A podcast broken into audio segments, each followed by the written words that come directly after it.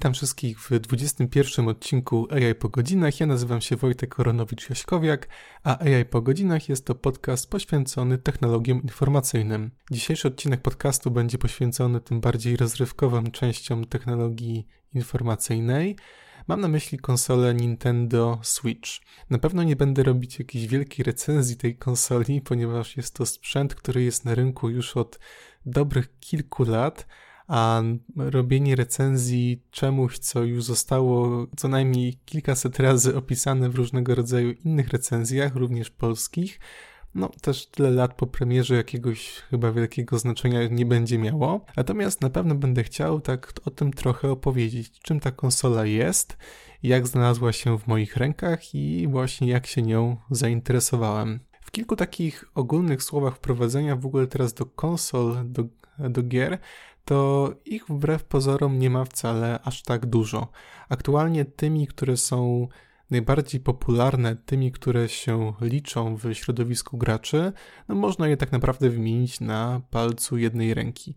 To jest przede wszystkim Sony PlayStation 4, Xbox One i również od, y, od firmy Nintendo, aktualnie Nintendo Switch. Są oczywiście dalej dostępne z drugiej ręki możliwe do kupienia konsole poprzednich generacji, np. Xbox 360, PlayStation 1, 2, 3, jak i również w przypadku Nintendo konsole przenośne Game Boy, Nintendo Wii U, które jest częściowo przenośne, jak i również Nintendo DS. W poprzednim odcinku mówiłem trochę o tym, y, jak wyglądała moja historia z grami na konsolę. Chciałbym ją trochę dzisiaj rozszerzyć i powiedzieć o tym, jaki miałem kontakt z tymi grami w wersji przenośnej. Koniec lat 90., na początku lat 2000, pamiętam, że to moją pierwszą konsolą, tak jak też kiedyś już wspominałem, było PlayStation 1, PlayStation 1, które bardzo lubiłem grać, natomiast nie miałem zbyt wielu gier. Pamiętam, że jak się pojawiały jakiekolwiek gry albo takie gry, które były dołączone w wersji demo do magazynów PlayStation, które się w tym czasie ukazywały. Też pamiętam, że te magazyny wtedy były stosunkowo drogie jak na te czasy. Chyba jeden taki numer mógł kosztować około 30 zł i do takiego magazynu były dołączone dema gier, które właśnie też często przechodziłem. Do, oczywiście do określonego etapu, później demo się kończyło. Do tych gazet były również dołączone takie specjalne numery telefonów z katalogami, można było jakąś grę sobie kupić, ale no, mając kilkanaście lat, trudno jest sobie pozwolić na grę, która wtedy w momencie premiery, wydaje mi się, że ceny były zbliżone do tych, które są teraz. Chyba taka standardowa cena to było około 200 zł. No i też pewnie ja tego nie pamiętam, ale też pewnie ciężko było rodzicom wytłumaczyć, że kupienie płytki za 200 zł jest na pewno dobrym sposobem na spożytkowanie swoich oszczędności. Dlatego konsola była, ale ja po prostu w tą konsolę już wtedy zbyt często nie grałem. Powoli się przerzucałem na te gry komputerowe, też z uwagi na to, że te gry były po prostu łatwiej wtedy dostępne ale gdzieś wtedy się pojawiała u mnie ta myśl, że może w takim razie warto byłoby gdzieś sobie poszukać takiej konsoli przenośnej. Pamiętam jak moja kuzynka, która przyjeżdżała do nas z Niemiec, miała Game Boya, Game Boy Color chyba, albo Game Boy Advanced. Pamiętam jak tęsknym wzrokiem patrzyłem za tą konsolą, widziałem jakie tam ma gry, że ma Gwiezdne Wojny, że ma gry e, wzorowane na różnych filmach, które wcześniej widziałem. Bardzo tego zazdrościłem, bardzo również chciałem coś takiego mieć. Skończyło się na tym, że w końcu swojego Game Boya nie mam do tej, do tej pory nawet. Jakoś ta konsola, ta generacja konsol mnie całkowicie ominęła. Ale lata mijały i w pewnym momencie na rynku ukazała się taka konsola Nintendo DS. To była konsola, która swojego czasu zrobiła dosyć spore zamieszanie na rynku, dlatego że po pierwsze sprzedała się naprawdę w dużej ilości egzemplarzy, oferowała naprawdę ciekawą rozgrywkę ponieważ składała się z dwóch składanych ekranów, z czego jeden z ekranów był dotykowy, drugi dotykowy nie był, ale rozdzielczość była dosyć dobra, jak na ówczesne czasy.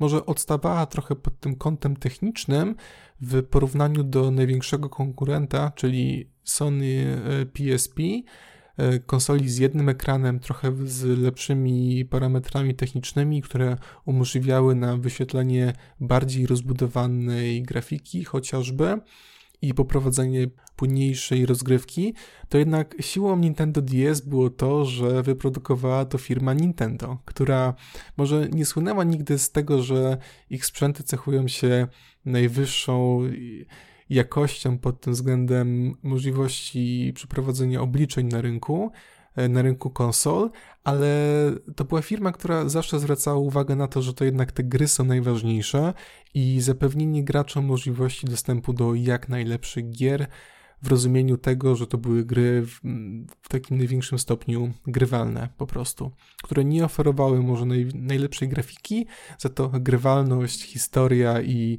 i ta zabawa, która płynie z kontaktu z danym tytułem, zawsze tu w firmie Nintendo była największa. I pamiętam, że tą właśnie tą konsolę Nintendo DS udało mi się w końcu zdobyć. Tutaj Pamiętam, że poprosiłem o to mojego wujka, który mi tą konsolę kupił. Przeglądaliśmy razem aukcje na eBayu, aukcje na Allegro i pamiętam chyba, że albo, albo właśnie pod choinkę, albo na moje urodziny dostałem od niego tą konsolę i tak się zaczęła moja przygoda z Nintendo DS. Tutaj już trochę z nią spędziłem trochę więcej czasu niż z, tą, z pierwszym Sony PlayStation. Te gry też były tańsze i też to był taki okres, w którym już sam mogłem sobie powoli pozwolić na to, żeby odkładać część kieszonkowego i kupić sobie jakąś grę, którą w tym czasie chciałem mieć. Później przyszedł czas na Sony PSP, o którym też myślę, że tak za jakiś czas powiem, Um, I od tego czasu, właściwie od 10 lat, nie miałem już żadnego kontaktu z konsolami firmy Nintendo. Tak mniej więcej w wieku 15 lat um, wymieniłem swoją konsolę Nintendo DS na Sony PSP, które też grałem przez y, pewien czas. A później od tego 15 roku życia, właściwie do teraz, y, to żadnego kontaktu z Nintendo nie miałem. Ominęło mnie w ogóle ta fala na Wii, potem na Wii U, czyli na takie konsole stacjonarno-przenośne, mm, ale jednak w większym stopniu stacjonarne. I wróciłem do firmy Nintendo wtedy, jak e, kilka lat temu właśnie wydano wersję nową, wersję konsoli, która nazywa się Nintendo Switch. Nintendo Switch jest naprawdę bardzo ciekawą konsolą, bo to jest naprawdę taka konsola już zarówno przenośna, jak i stacjonarna. Ona się cechuje tym, że ma jeden ekran, ma wyjmowalne coś, co byśmy nazywali joystickami z lewej i z prawej strony, także można się nimi podzielić i to jest jedna z większych zalet tej konsoli i właśnie możliwość grania w dwie osoby, w trzy, cztery osoby na jednej konsoli poprzez właśnie dzielenie się tymi padami. Jak również można ją podpiąć pod telewizor i uruchomić takie gry, które mm, no, na przykład wymagają większego ekranu, albo po prostu lepiej się w nie gra, mając większy ekran niż mniejszy i to przełączanie się pomiędzy tym trybem mobilnym a trybem stacjonarnym jest naprawdę szybkie. To wszystko się dzieje automatycznie, po prostu podpina się konsolę pod taką specjalną stację. Ta stacja jest podłączona kablem do telewizora i następnie po prostu siedzi się przed telewizorem i się gra w dany tytuł. Jedyną wadą, którą widzę w tej konsoli jest to, że ta bateria niestety nie trzyma zbyt długo. Tak w tym trybie mobilnym, aktualnie tak po tych dwóch latach, e, jak już ją mam u siebie, to chyba ta bateria pozwala na około dwugodzinną rozgrywkę, co jednak nie jest zbyt dobrym wynikiem. Teraz w ostatnim czasie wyszły nowe wersje konsoli Nintendo Switch, które po pierwsze obejmują trochę lepszą baterię, lepsze komponenty, które między innymi mają sprawiać, że czas ładowania pomiędzy danymi poziomami chociażby jest krótszy. Nie miałem tego okazji sprawdzić, ale tak podobno jest. No ale co ważniejsze, ta, w końcu poprawiono baterię, która, która już teraz wytrzymuje, wydaje mi się, że około 7 godzin bez ładowania, co naprawdę jest dobrym wynikiem.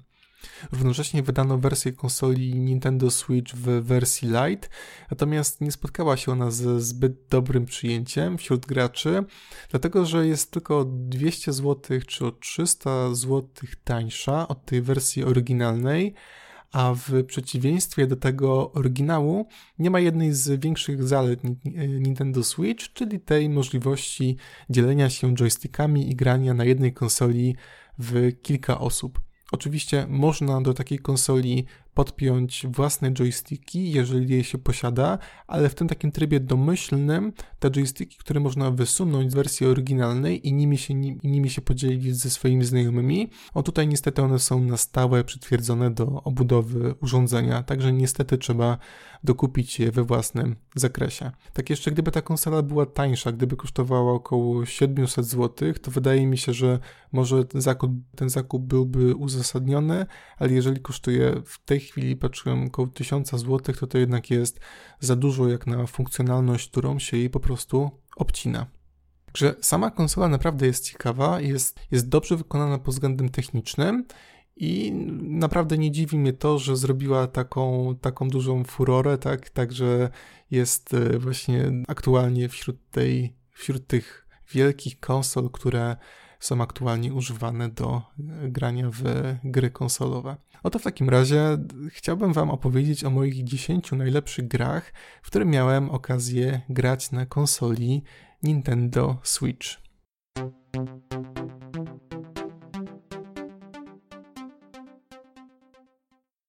Na miejscu dziesiątym umieściłbym taką nową grę, która wyszła kilka miesięcy temu, albo najpóźniej pół roku temu, w zeszłe wakacje.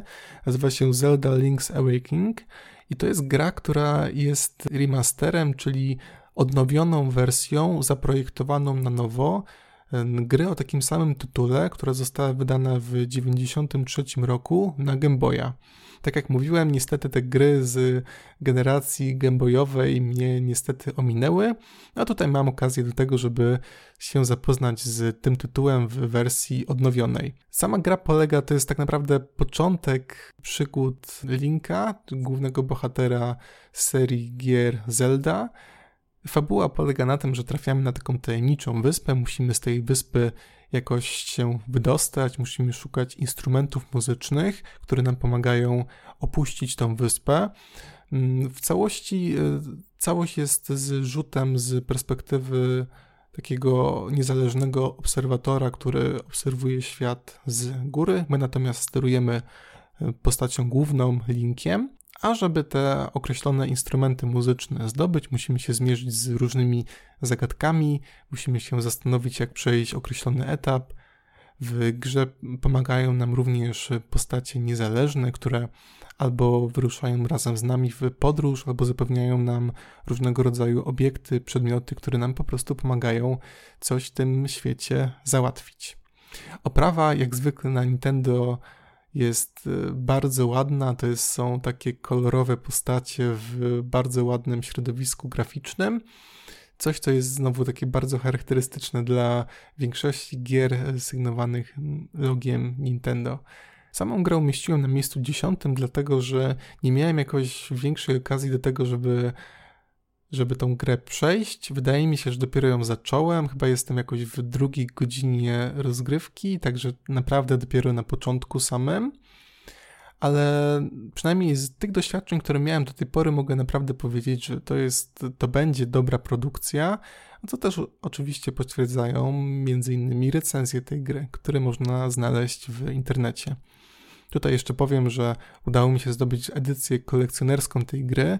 Akurat w Polsce było tak, że ona się pojawiła w sklepach internetowych i natychmiast po jednym dniu już znikła, została wyprzedana natychmiast. Mi się udało moją wersję znaleźć na Allegro i jestem naprawdę zadowolony, że ją mam. Tak stoi tutaj na półce i czasami na nią po prostu patrzę takim tęsknym wzrokiem i się zastanawiam, kiedy będę miał czas na to, żeby usiąść i dalej ją przechodzić. Także to jest na pewno zaletą tej edycji kolekcjonerskiej, że ma naprawdę ładne pudełko z zewnątrz, na które można się patrzeć i, i przypominać sobie chwile spędzone z tą grą.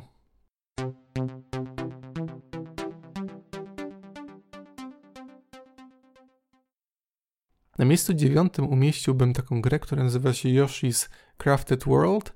To jest taka gra, w której, tak dla osób, które nie miały styczności wcześniej z grami Nintendo, sterujemy takim smokiem, smoczkiem, który nazywa się Yoshi Gra polega na tym, że można ją trochę porównać do takich gier platformowych. Musimy odwiedzić różne światy, które są wykonane z papieru.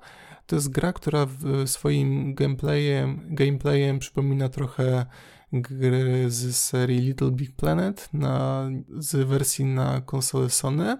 Również bardzo ciekawa oprawa audiowizualna, grywalność znowu na bardzo takim dobrym poziomie.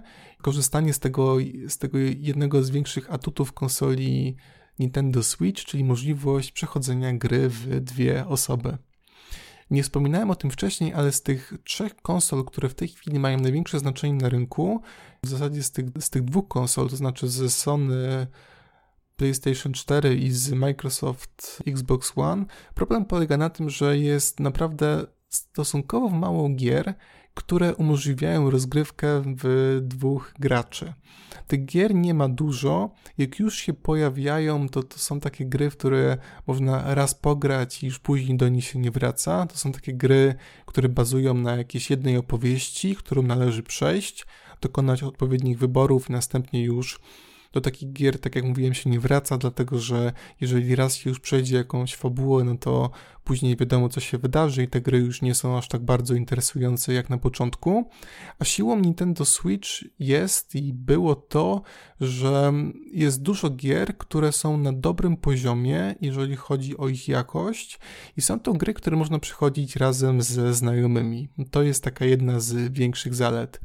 I bez znowu względu na to, czy siedzimy przy telewizorze i jest nas i są cztery osoby, czy jesteśmy na jakimś wyjeździe i jesteśmy z kimś tylko razem w dwoje, no to możemy grać y, w tym trybie mobilnym w dwie osoby, jak i również właśnie w tym, w tym trybie stacjonarnym, znowu w jakimś większym gronie osób. I nie są to pojedyncze gry, które taką opcję wykorzystują, tylko rzeczywiście tych gier jest dosyć sporo.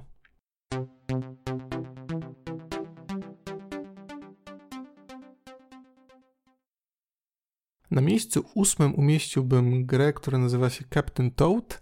To jest taka gra znowu z takiego perspektywy takiej, takiego niezależnego obserwatora, który obserwuje świat z góry.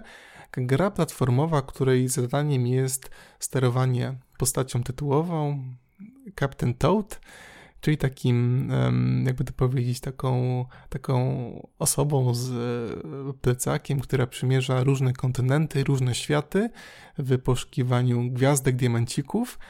Znowu kolejna, e, kolejna gra, która wykorzystuje tryb na dwie osoby. Możemy przechodzić te poszczególne światy i wspólnie zastanawiać się, jak rozwiązać e, zagadki z drugą osobą.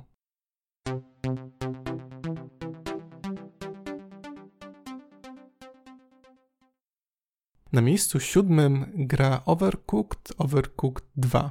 No to jest po prostu fenomen, jeżeli chodzi o zabawę na 3-4 osoby, na dwie osoby. To jest gra, która polega na tym, że jesteśmy w różnych światach. Fabuła jest taka, że tej pierwszej części jest taka, że musimy sobie poradzić z takim potworem spaghetti, a żeby go pokonać, musimy współpracować z innymi kucharzami po to, żeby w jak najszybszy sposób dostarczyć różnego rodzaju zamówienia. I przemierzamy różne światy, ucząc się tego gotowania i współpracy pomiędzy poszczególnymi kucharzami, graczami, po to właśnie, żeby z tych dostępnych składników, takich bazowych, jak na przykład pieczarki, pomidor, ogórek, zrobić określone potrawy, na przykład, żeby, nie wiem, żeby wykonać hamburgera, należy najpierw wziąć mięso, to mięso należy później pokroić, usmażyć, następnie do niego dodać bułkę, pokroić, pokroić pomidora, dodać ser i następnie takie zamówienie możemy dopiero wysłać do realizacji.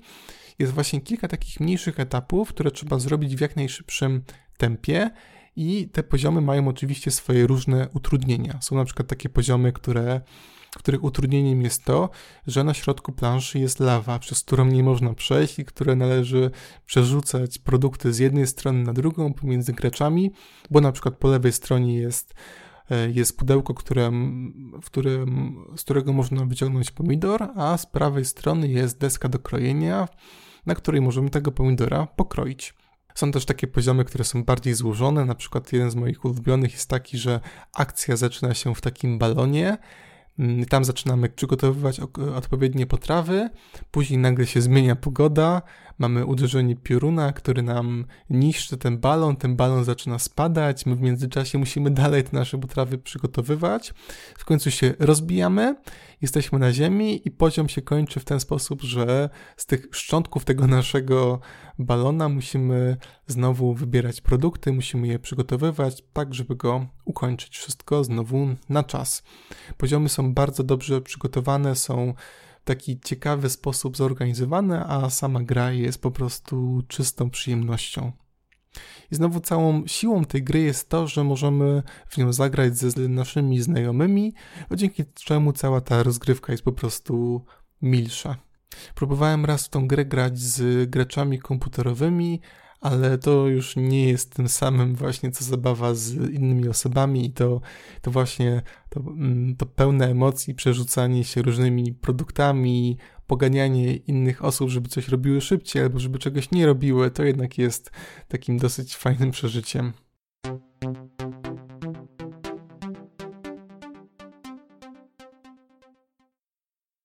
Na miejscu szóstym taka gra Mario Tennis XS to jest taka gra, która, której jako Mario, jako, jako różne postacie z uniwersum Nintendo musimy zmierzyć się znowu z różnymi światami w takich w serii gier, które są tenisem. Światów jest dosyć sporo, nie zawsze te poziomy wyglądają w ten sposób, że musimy wygrać z kimś w tej grze tenis, Zwykle jest tak, że to są takie minigierki, które polegają na przykład na tym, żeby wykonać określone zadanie, na przykład żeby trafić po naszej stronie kortu w e, określony punkt. Po drugiej stronie są też takie poziomy, które zakładają walkę z bossami. Ja tą grę przechodziłem w większości samodzielnie i też um, charakterystyczne dla gier Nintendo jest to, i też to bardzo dobrze widać moim zdaniem w tej grze, że te gry się wydają proste i są rzeczywiście proste, jeżeli chodzi o możliwości opanowania takich podstawowych ruchów.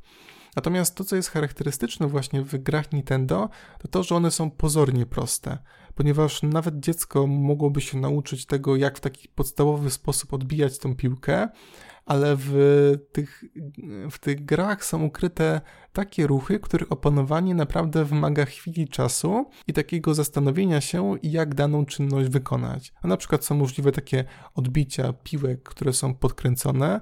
Żeby zrobić coś takiego, należy wykonać serię przycisków poprzedzoną wcześniej przygotowaniem odpowiedniego poziomu energii. Także z jednej strony jest to naprawdę fajne, bo możemy pograć również z naszymi znajomymi, którzy dużych umiejętności co do gier komputerowych, konsolowych nie mają, a równocześnie właśnie każdy znajdzie w tym coś dobrego dla siebie.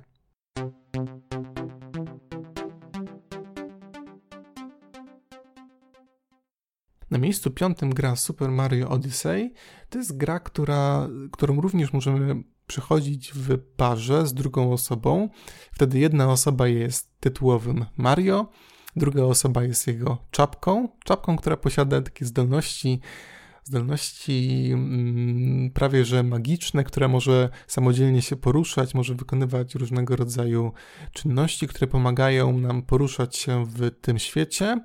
To jest taka gra, w której właśnie poruszamy się Mario, w, mm, gra już jakby nie z perspektywy dwuwymiarowej, tylko trójwymiarowej, w której przymierzamy różne światy w poszukiwaniu fragmentów, do naszego, do naszego statku, takim, którym się poruszamy. Jest to taki balon i gra, której głównym celem znowu jest uratowanie książy, księżniczki Peach, porwanej, która ma zostać wydana w niedługim czasie za głównego złego w grach Nintendo, czyli Bowsera i przemierzamy znowu różne światy, świat antyczny, świat podwodny, świat kosmiczny, w którym, w którym um, umieszczone są różne części imprezy, na którą właśnie szykuje się Bowser. No i naszym zadaniem jest przeszkodzenie Bowserowi w tym, żeby no jednak tej księżniczki Peach nie poślubiał wbrew jej woli. Gra, która chyba w tej chwili ma najwyższe oceny, jeżeli chodzi o o recenzję graczy, w ogóle jeżeli chodzi o gry na Nintendo Switch. Moim zdaniem jest to ocena całkowicie zasłużona. Również tam ta, te godziny, które ja spędziłem przy zabawie nad tą grą, również z drugą osobą, naprawdę bardzo je miło wspominam i też czasami do tej gry jeszcze, jeszcze wracam.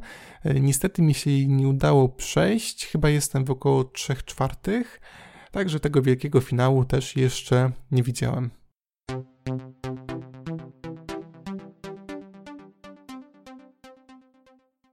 Na miejscu czwartym gra Zelda Breath of the Wild. To jest taka gra, która została wydana z premierą konsoli Nintendo Switch. Gra ta, która naprawdę pozwoliła się sprzedać tej konsoli, ponieważ jest tak dobra, że przez, przez niektórych recenzentów była w ogóle uznana grą wszechczasów, która jest najlepszą grą na wszystkie platformy ze wszystkich lat, jakie w ogóle były w przeszłości. Gra, w której jesteśmy tytułowym linkiem i naszym zadaniem jest uwolnienie krainy linka przed tym, żeby nie została mm, pożarta przez nicość, przez ciemność. Między innymi, żeby tego dokonać, musimy uwolnić zamek Hyrule od y, sił ciemności. Mamy takim naszym głównym zadaniem jest uwolnienie czterech takich antycznych maszyn, na przykład jedna z nich jest takim mechanicznym słoniem, druga jest takim dużym mechanicznym ptakiem. Mm, natomiast cała, cała ta fabuła i ta cała siła tej gry polega na tym, że oczywiście możemy tą grę skończyć, nie wiem, w 10 godzin i po prostu robić tą, tą główną przygodę, która, która wiąże się właśnie z uwolnieniem zamku, z pokonaniem sił ciemności, ale siłą tej gry jest to, że ten świat gry jest jest duży i w zasadzie od samego początku, od pierwszej godziny możemy go swobodnie eksplorować, a liczba miejsc, która została przygotowana przez producentów tej gry jest naprawdę, naprawdę taka, która potrafi po pierwsze wciągnąć, a po drugie zaciekawić swoją historią.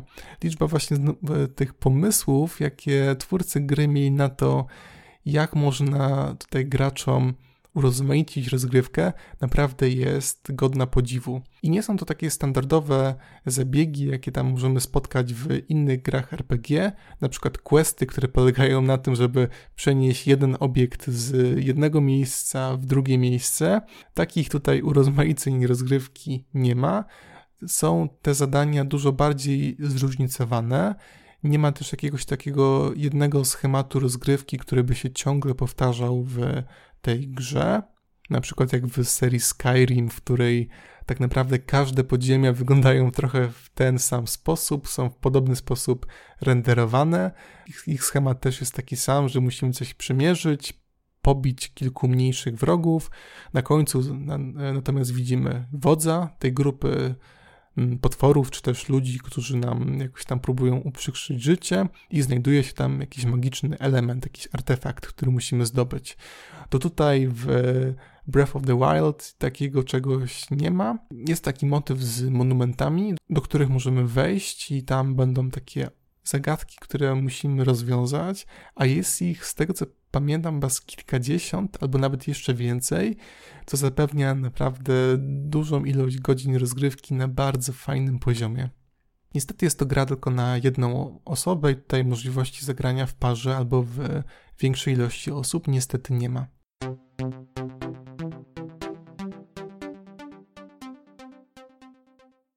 Na trzecim miejscu gra Octopath Traveler, czyli jak gdzieś przeczytałem w recenzji, taki list miłosny do osób urodzonych w latach 70., które pamiętają 8-bitowe gry RPG. To jest taka gra, która jest wykonana w takiej technologii 2D, 3D, to znaczy, że tło jest trójwymiarowe, my się natomiast poruszamy w świecie dwuwymiarowym. Gra znowu wzorowana na takich klasycznych grach RPG, gdzie mamy nasz zespół. Każda postać ma inną klasę, jest na przykład rycerz, jest wojownik, jest y, druid. Na początku sterujemy tylko jedną postacią, to jest nasza postać główna. Ja sobie wybrałem na początku taką osobę, która jest wykładowcą na uniwersytecie i pewnego dnia ruszam taką podróż do tego, żeby zwiedzać różne części świata i nie chcę psuć fabuły osobom, które być może będą w tą grę grały, ale która musi rozwikłać pewną zagadkę tajemniczego zniknięcia pewnego manuskryptu. I na swojej drodze po pierwsze znajduje inne, yy, inne klasy, inne postacie, których historię poznajemy i którymi następnie kierujemy. I tak oto potem po, skompleto- po skompletowaniu naszej drużyny przymierzamy cały świat w, po to, żeby rozwikłać kilka takich tajemnic, historii, które są związane z danymi postaciami. Nad tą grą spędziłem już kilkanaście godzin, więc trochę mogę się o niej wypowiedzieć. Na pewno podobał mi się bardzo początek tej gry. Niestety ten, to rozwinięcie tych wątków już tak dobre nie jest jak początek, o ile właśnie na samym, na samym początku rozgrywki poznajemy historię jednej postaci, historię drugiej, trzeciej, czwartej, piątej, aż tak dojdziemy do postaci ósmej, to w dalszej kolejności to rozwinięcie tych wątków jest takie mało satysfakcjonujące i też nie przynosi jakiegoś takiego wielkiego rozwiązania dla tych wszystkich historii. Niestety, ten początek jest dużo lepszy od końca, ale mm, to wciąż jest jedna z moich ulubionych gier, dlatego ją umieściłem na miejscu trzecim chociażby z tego względu, że przynajmniej ten początek historii, to jak, ten, jak te postaci są zaznaczone, to jest naprawdę na bardzo takim dobrym poziomie i na, jest po prostu też przemyślany tej strony takiej technicznej i, i grywalności samej gry. Później niestety dochodzą takie utrudnienia, które wiążą się z tym, że musimy podnosić poziom doświadczenia naszego całego zespołu i niestety to jest tak, że jeżeli już mamy jakiś swój ulubiony skład, ponieważ naraz możemy sterować maksymalnie czterema postaciami, to jeżeli są takie postaci, których nie lubimy, to tak czy tak niestety musimy nimi zagrać, ponieważ jeżeli chcemy przejść do dalszej części historii, to musimy sprawić, że te postacie, którymi nawet nie lubimy grać, musimy w jakiś sposób im dać tego doświadczenia, a doświadczenie zdobywamy po prostu przez walkę z potworami innymi, więc no, siłą rzeczy musimy zadbać również o to, żeby tymi postaciami również zagrać.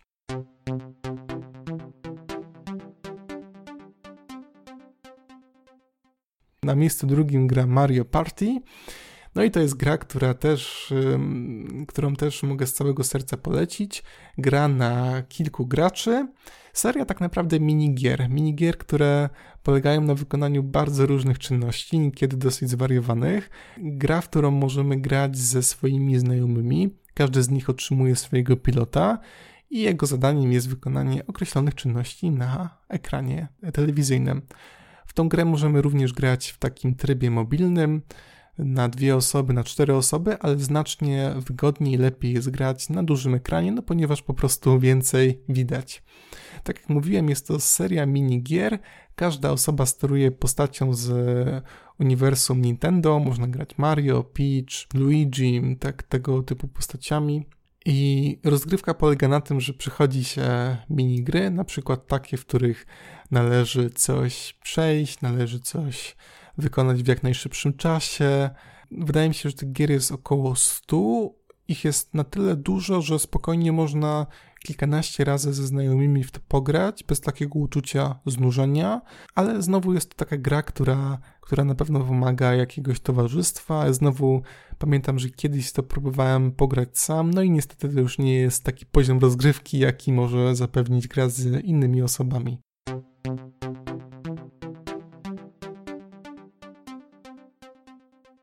I na miejscu pierwszym gra Mario Kart 8. To jest gra, w której znowu jakby siłą jest to, że możemy się podzielić naszymi joystickami i zagrać z naszymi znajomymi. Gra, która polega na tym, że każda osoba ma taki kart, ma taki mały samochód i zabawa polega na tym, że się ścigamy ze sobą. Światy są niezwykle zróżnicowane i sposób, w jaki te światy zostały wykonane, naprawdę pozwala no, mówić o tym, że to jest Nintendo w, tej swoim, w tym swoim najlepszym wydaniu. Przemierzamy różne światy z uniwersum Nintendo, no między innymi odwiedzamy chociażby świat z serii Zeldy, świat z Yoshiego. To jest też dosyć dobrze przemyślane, ponieważ niektóre światy są nowe, niektóre światy to są zremasterowane wersje tras z poprzednich wersji Mario Kart, z wersji wydanych na konsolę Nintendo, Nintendo DS, Nintendo 64, Nintendo Wii, Wii U. Zostały wybrane te światy, które cieszyły się najwyższą popularnością, które były najwyżej oceniane przez graczy i w ten sposób włączone do jednego wydania gry, które naprawdę jest, naprawdę jest bardzo dobre i zapewnia co najmniej kilkanaście godzin bardzo dobrej, e, bardzo dobrej zabawy z, e, ze swoimi znajomymi. Całe to ściganie jest jeszcze urozmaicone, ponieważ to nie jest tylko tak, że każdy z nas ma tego swojego karta i się ścigamy, tylko też um, zabawa polega na tym, że od czasu do czasu trafiają nam się jakieś takie tajemnicze skrzynki, które zawierają określone przedmioty, które nam albo pomagają szybciej jechać, takiego, takie specjalne dopalacze, które sprawiają, że możemy przez, przez chwilę kogoś prześcignąć, jak i również cały arsenał broni, którymi możemy ugodzić przeciwnika, który jedzie za nami albo przed nami. Także zabawa jest na pewno taka dosyć ekscytująca, jeżeli się jedzie i nagle dostaje się żółwiem od naszego gracza, który siedzi po naszej lewej stronie, czy, czy, czy też na przykład dostanie się takim, taką plamą atramentu, po której nic nie widać przez pewien czas. To tak w takim razie zbliżając się do końca, tą konsolę Nintendo Switch jak najbardziej polecam. Ja może nie gram w nią tak dużo jak na przykład na PlayStation 4 albo teraz na PlayStation VR, głównie z tego względu, że jednak mm, siłą, tak jak mówiłem, tych gier jest to, że one są dobre na takie większe spotkanie się z grupą znajomych. Jest też oczywiście kilka gier, które, które dobrze się przychodzi, będąc w, będąc w podróży, na przykład jak Zelda Breath of the Wild, jak Zelda Link's Awakening. Są to gry na jedną osobę, tutaj możemy się spokojnie w tej podróży skupić na jakiejś jednej grze i przynajmniej przez ten czas dosyć jednak krótki tej życia tej baterii, możemy się naprawdę dobrze bawić, ale jakoś jak mam dostęp do PlayStation 4 i do tych gier, które mogę pograć stacjonarnie, to jednak te, te gry na PlayStation 4 wygrywają, a jeżeli chodzi o Nintendo Switch, to jednak ja przynajmniej częściej wykorzystuję tą konsolę jako taką jako, jako coś, co można pograć ze znajomymi, właśnie również z takimi znajomymi, którzy na co dzień w gry konsolowe nie grają, co nie znaczy, że też tą konsolę całkowicie opuściłem. On na przykład teraz przygotowuje się tak mentalnie do zakupu Wiedźmina 3 w, wersji na Nintendo Switch. Ja tę grę przechodziłem już w wersji na PlayStation 4, ale chociażby z uznania dla zespołu CD Projektu, który przygotował tak wspaniały port tej gry na Nintendo Switch. Przymierzam się powoli do tego, e, tego zakupu, żeby, żeby po prostu też tego Wiedźmina w tych chwilach, gdzie jestem gdzieś w pociągu albo poza domem, żeby też mieć okazję jeszcze raz do tej gry wrócić, ponieważ naprawdę jest wybitna. Na pewno jak będę robić listę moich 10 ulubionych gier na PlayStation 4, to Wiedźmin się na tej liście znajdzie. Pytanie tylko w którym miejscu. Jak zwykle Wam bardzo dziękuję za wysłuchanie tego odcinka i do usłyszenia już w kolejny poniedziałek.